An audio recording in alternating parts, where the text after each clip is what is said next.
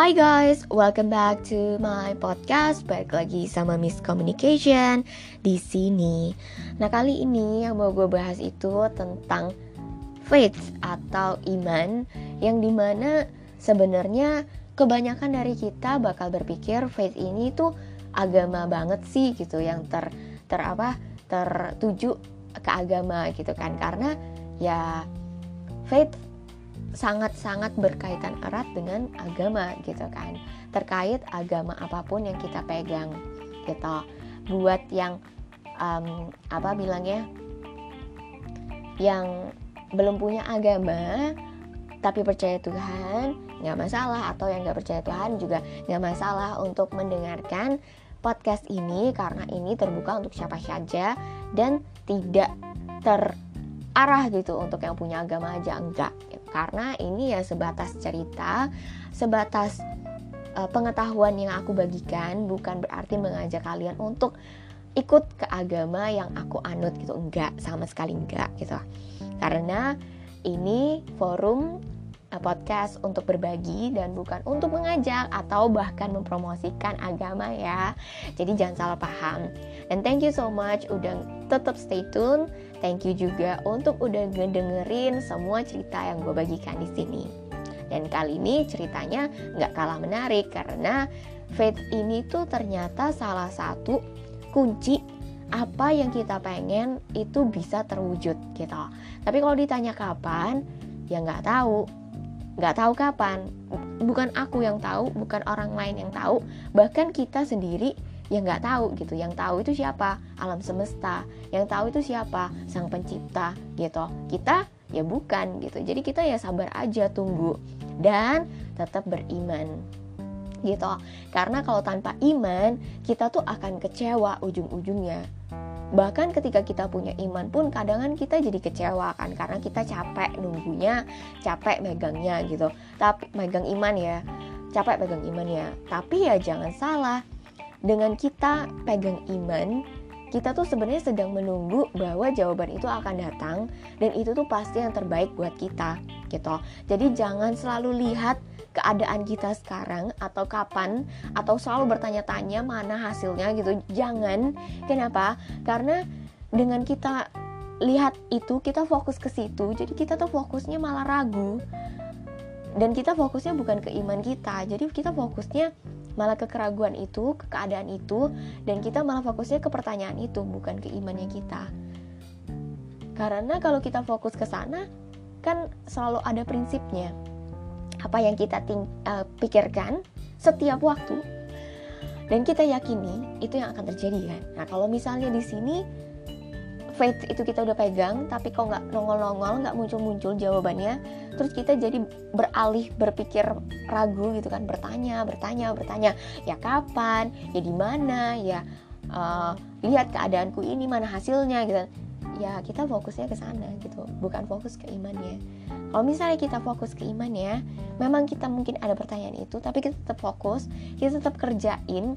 Ibarat kata ketika kita tahu kita mau nyangkul nyangkulnya itu untuk uh, menggali permata gitu kan ya. Ada kan kalau mungkin teman-teman di sini ada pernah lihat gambar yang di mana uh, dia yakin gitu apa yang dia gali jalur yang dia gali itu ada permata di ujungnya dan emang bener ada gitu kan. Tapi ketika dia udah capek gitu kan keyakinan dia mulai diragukan dan akhirnya dia putus asa dan menyerah dia mundur dibanding orang yang dia tetap percaya sama imannya dia bahwa itu akan ada permata dan dia tetap nyangkul dan cari dan cari dan cari sampai akhirnya dia menemukan permata itu gitu.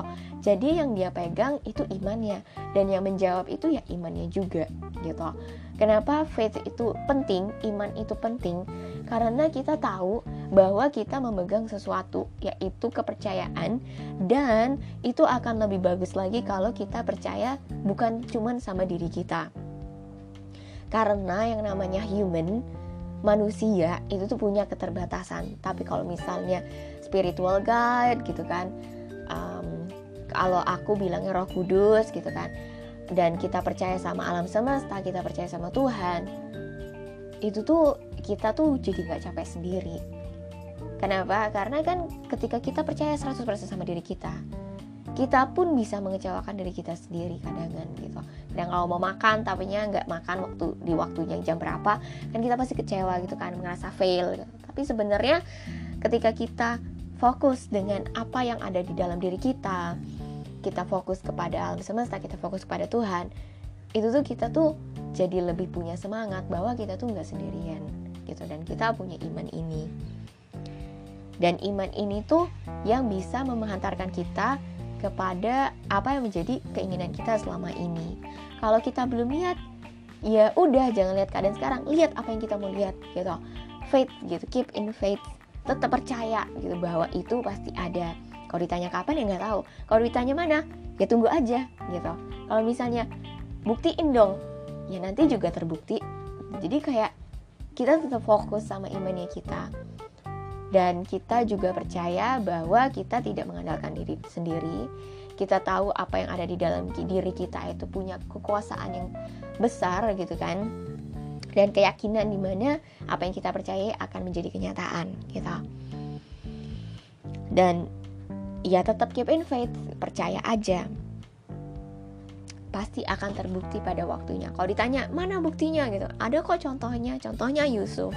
Yusuf punya uh, visi bahwa dia akan menjadi orang yang terbesar di antara keluarganya, yang di mana orang tuanya dan saudaranya akan menghormati dia gitu kan. Bukan menyembah, tapi bingung juga ya karena kan kalau berlutut itu jatuhnya menyembah. Tapi benar juga kejadiannya seperti itu gitu. Kalau ditanya kapan ya nggak tahu gitu kan. Tapi waktu itu Yusuf masih muda dia berkata bahwa dia punya mimpi seperti itu dan itu seperti nyata semua saudaranya merasa tidak suka gitu. Mungkin iri juga gitu kan karena mereka nggak dapat itu tapi Yusuf dapat gitu kan. Dan um, sepanjang jalan Yusuf Yusuf dicobai diuji gitu kan karakternya mentalnya prosesnya sampai akhirnya ya dia tetap percaya bahwa itu tuh ada dan hadir untuk dia. Sampai ya bener akhirnya dia diangkat jadi um, tangan kanan raja, kepercayaan raja yang bahkan apa yang dikatakan dia tuh seperti yang dikatakan raja gitu kan. Luar biasa banget kan. Yang sampai akhir seluruh dunia terhampar kelaparan, kekeringan dan semua pada ke sana gitu kan yang untuk menukar beras.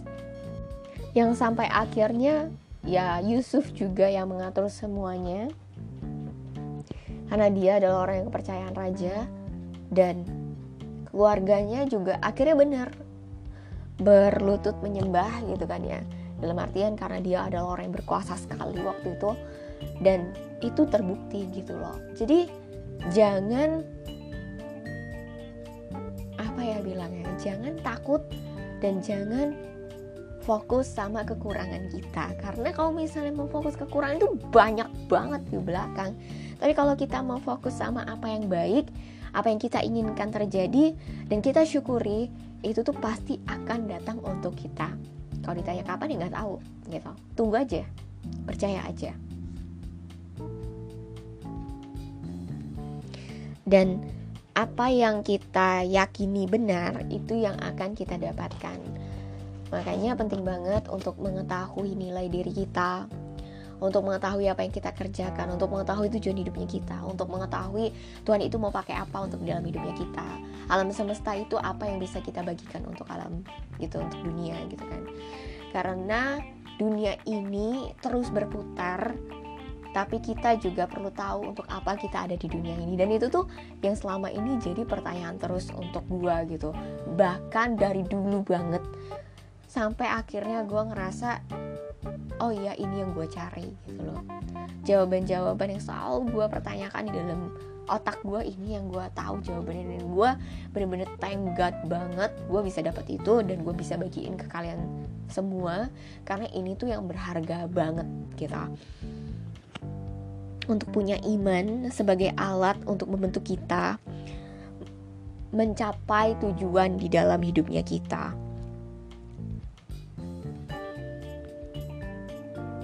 Karena kita itu bisa mengontrol masa depan kita dengan mengontrol pikirannya kita. Pikirannya kita ditambah dengan imannya kita. Punya iman itu mesti dilatih bener-bener harus dilatih. Dan semakin kuat iman kita semakin besar juga godaannya. Itu bener banget loh. Karena ya kenapa nggak gitu justru dengan godaan itu kita tuh akan semakin memperkuat imannya kita. Kayak cerita yang gue cerita sebelumnya tentang uh, Dr. Stanford gitu kan ya salah satu salah satu orang yang bener-bener diberkati diuji akhirnya jatuh dan akhirnya diberkati lagi bahkan lebih-lebih gitu kan seperti cerita Yakub. Dan itu tuh bener gitu kan. Kejadian ada hotelnya di Israel gitu kan dan itu tuh bener-bener terbukti dari cerita hidupnya dia gitu. Dan itu semua tidak akan terjadi kalau itu tidak ada iman. Makanya iman penting banget. Iman untuk percaya bahwa segala sesuatu yang baik itu akan terjadi, iman untuk membuktikan bahwa kebenaran dan kebesaran alam semesta yang dimiliki oleh Tuhan itu tuh benar-benar nyata. Dan kita perlu melihat kebaikan-kebaikan yang terjadi di dalam hidupnya kita, gitu. Karena dengan begitu kita itu bisa memperkuat iman itu.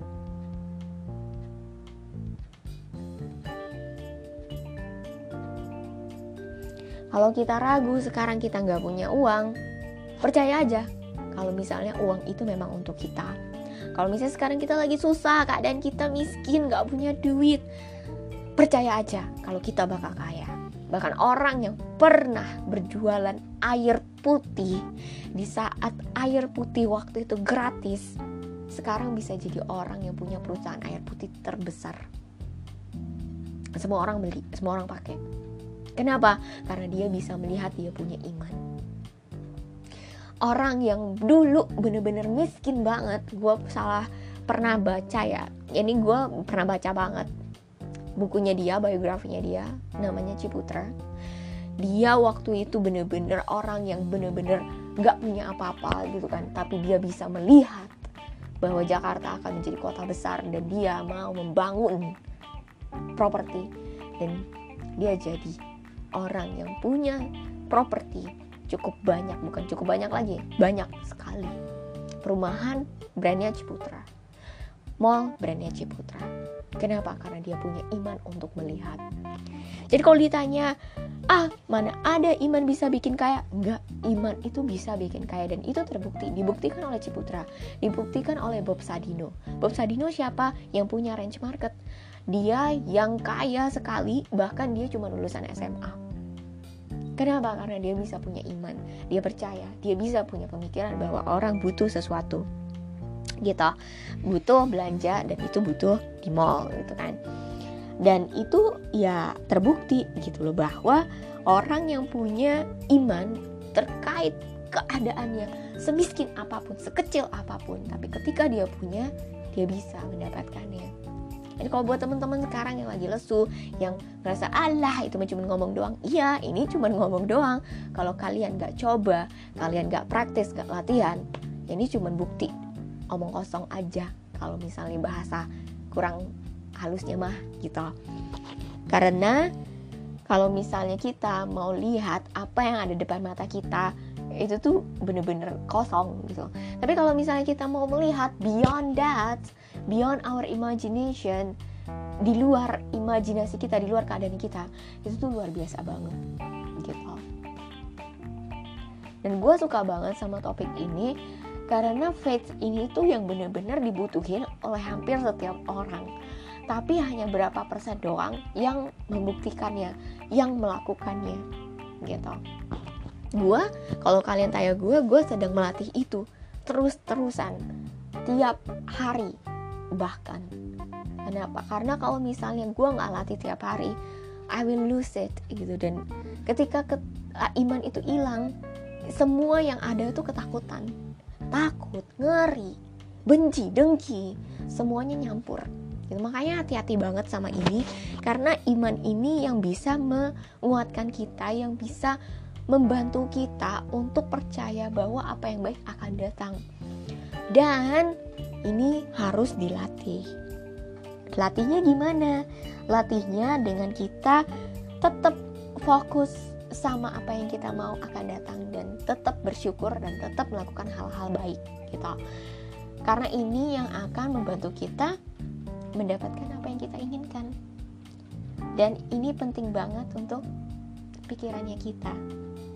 Karena pikiran apa yang kita pikirkan penting. Kita perlu mengontrol pikirannya kita. Itu penting banget. Dan salah satu cerita yang gue baca juga dari Napoleon Hill karena menurut gue ini ceritanya luar biasa gitu kan. Bahkan gue nonton eh bukan gue nonton gue baca pun bukan cuma sekali berkali-kali gitu kan ya. Karena menurut gue ini cerita yang luar bagus banget luar biasa banget. Dan impossible banget bahkan. Karena ini ceritanya dia punya anak anaknya ini beberapa uh, ada satu dua gitu kan kakak jadi dua ini anak keduanya dia gitu kan. Dan um, dia ini pendengarannya tuh hampir nggak bisa gitu. Hampir nggak bisa tapi bisa ngomong gitu kan.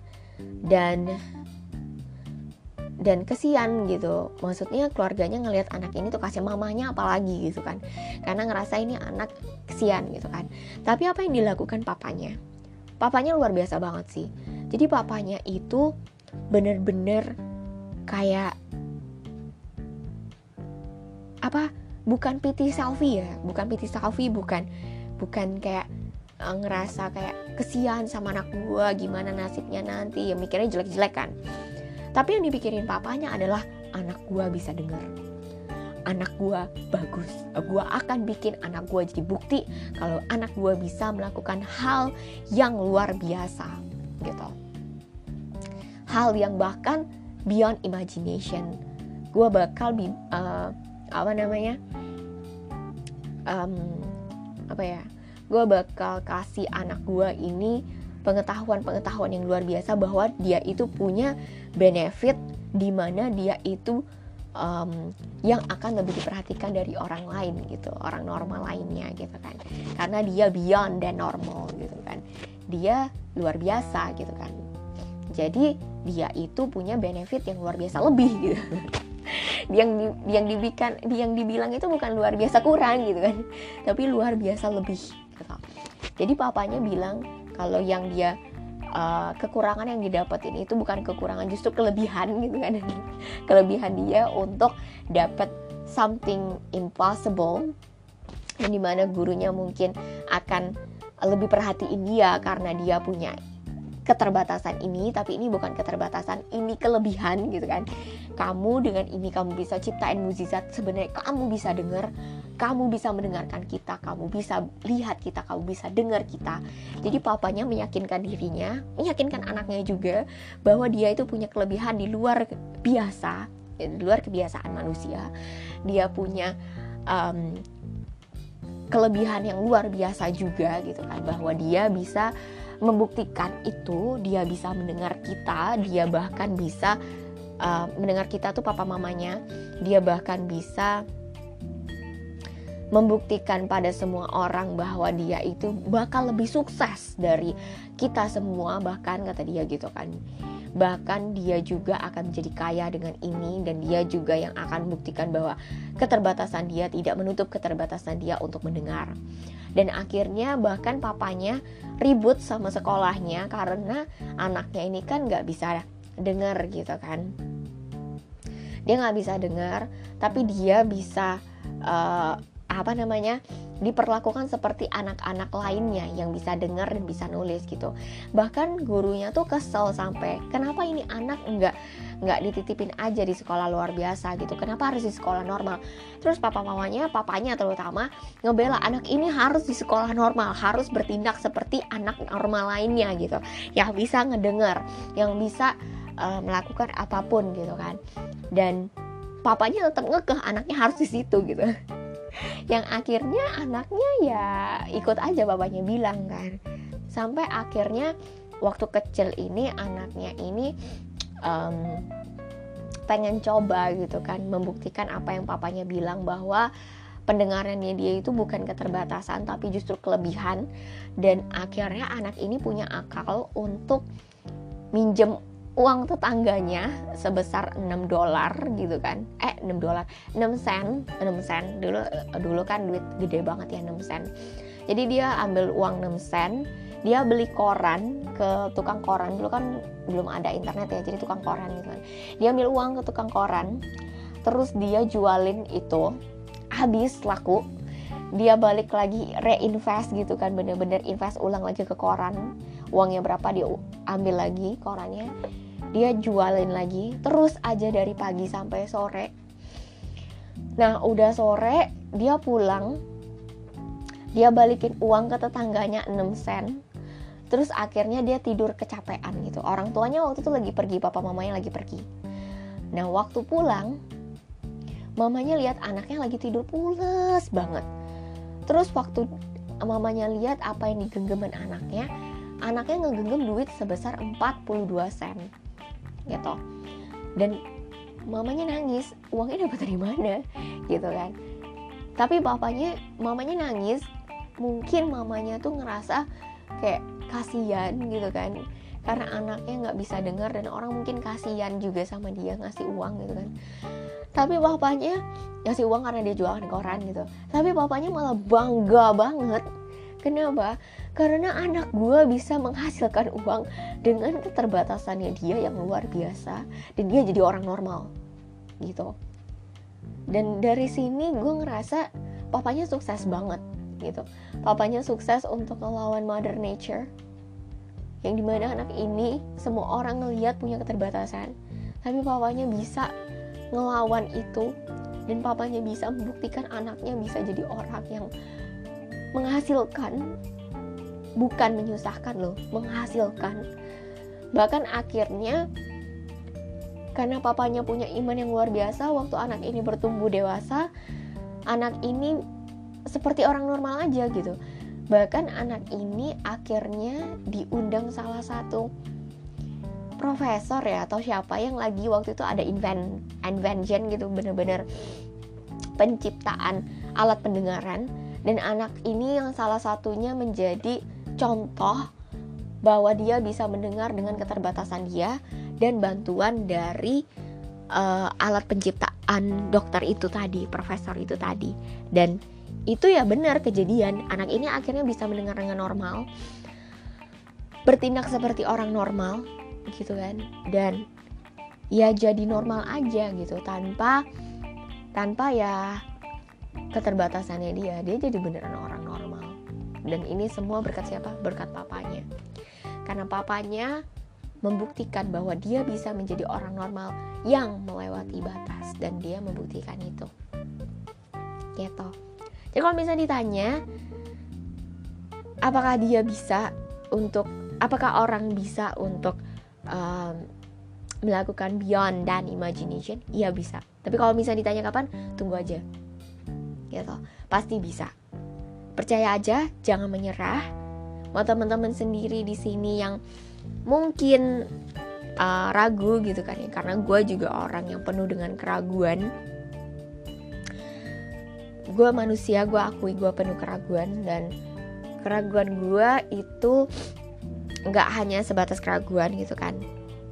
Gue ragu karena gue tahu gue terbatas tapi gue usahain setiap hari setiap waktu untuk tetap fokus pada apa yang bisa gue syukuri apa yang gue bisa lihat yang baik yang terjadi dalam hidup gue karena dengan begitu gue juga percaya itu pasti akan datang dan semoga apa yang gue bagikan di sini bisa membantu teman-teman sekalian untuk lebih percaya, lebih beriman. Jangan juga mengandalkan alam semesta, karena alam semesta ya semaunya mereka gitu kan. Kadang dulu gue bertanya sama diri gue sendiri gitu kan Tuhan kalau gue hujan hari ini hujan berarti begini. Kalau ini nggak hujan berarti begini gitu kan. Dan akhirnya gue berharap hujan ternyata nggak hujan gitu. Kan gue kecewa gue kesal gitu. Kok Tuhan nggak nggak nggak apa nggak mendukung gue sih? Padahal kan gue pengennya ini kenapa nggak dikasih sih? Kok nggak hujan sih gitu. Itu sebenarnya pertanda kalau gue nggak percaya sama Tuhan gitu kan. Gue nggak percaya bahwa apa yang baik yang terjadi akan di, terjadi di dalam hidupnya gue gitu kan gue nggak percaya itu akan datang dan gue tuh nggak sabaran gue pengen cepet gitu. Dan memang mungkin kekecewaan kekecewaan yang terjadi dalam hidupnya kita itu anggapannya kita mikirnya nggak akan lah buat kita gitu. Padahal tuh enggak itu tuh sebenarnya waktu tunggu di mana yang terbaik, yang lebih baik, yang akan terbaik baik banget gitu kan untuk kita itu akan terjadi pada waktunya, pada keadaan kita siap dan pada emosi yang tepat gitu. Jadi kita siap, waktu tepat, kebutuhan juga ada gitu. Jadi kalau ditanya um, kapan, ya nggak tahu. Kalau ditanya capek ya semangatin gitu. Mau nggak mau gitu. Karena kalau misalnya kita berubah-ubah hasilnya kita nggak dapet apa-apa. Artinya kita capek gitu. Kalau udah capek kita nyerah. Kalau udah nyerah kita jadinya semua kan jadi gini semua yang negatif itu kan akan ikut. Nah kalau kita nyerah itu kan negatif. Dan kalau kita nyerah yang negatif ikut nggak? Makanya kita perlu banget untuk keep pupukin iman gitu karena iman sebesar biji sesawi itu tetap akan ngebantu kita. So teman-teman di sini yang mungkin sekarang lagi dalam kondisi ragu, nyerah, takut, bingung, terus juga banyaklah ngerasa kayak nggak percaya gitu kan terus juga banyak pertanyaan-pertanyaan lain yang mungkin membuat kita depresi, frustrasi, rasanya gak enak banget. Gak apa-apa, enjoy aja gitu. Enjoy aja dengan itu, percaya aja perlahan-lahan semua jawaban yang kita mau itu akan datang pada waktunya. Selama kita tetap beriman, selama kita tetap percaya. Kalau misalnya ta kalian tanya, ya gimana caranya, gimana caranya? Gue nggak bisa bantu apa-apa kalau misalnya kalian sendiri yang belum bisa memutuskan kaliannya maunya gimana gitu gue pernah di posisi itu dan rasanya gak enak banget. Tapi itu juga yang membuat gue belajar banyak hal dan gue percaya banget yang namanya frustasi depresi segala macam. Itu tuh sebenarnya kalian itu tuh suara hatinya ingin didengarkan dan iman kalian tuh sebenarnya lagi berteriak dan iman kalian tuh pengen didengarkan. So yang bisa gue saranin adalah keeping faith tetap tenang tetap percaya tetap belajar terus dan tetap cari terus apa yang menjadi pertanyaan kalian. Jangan nyerah jangan khawatir jangan ragu. Tetap percaya dan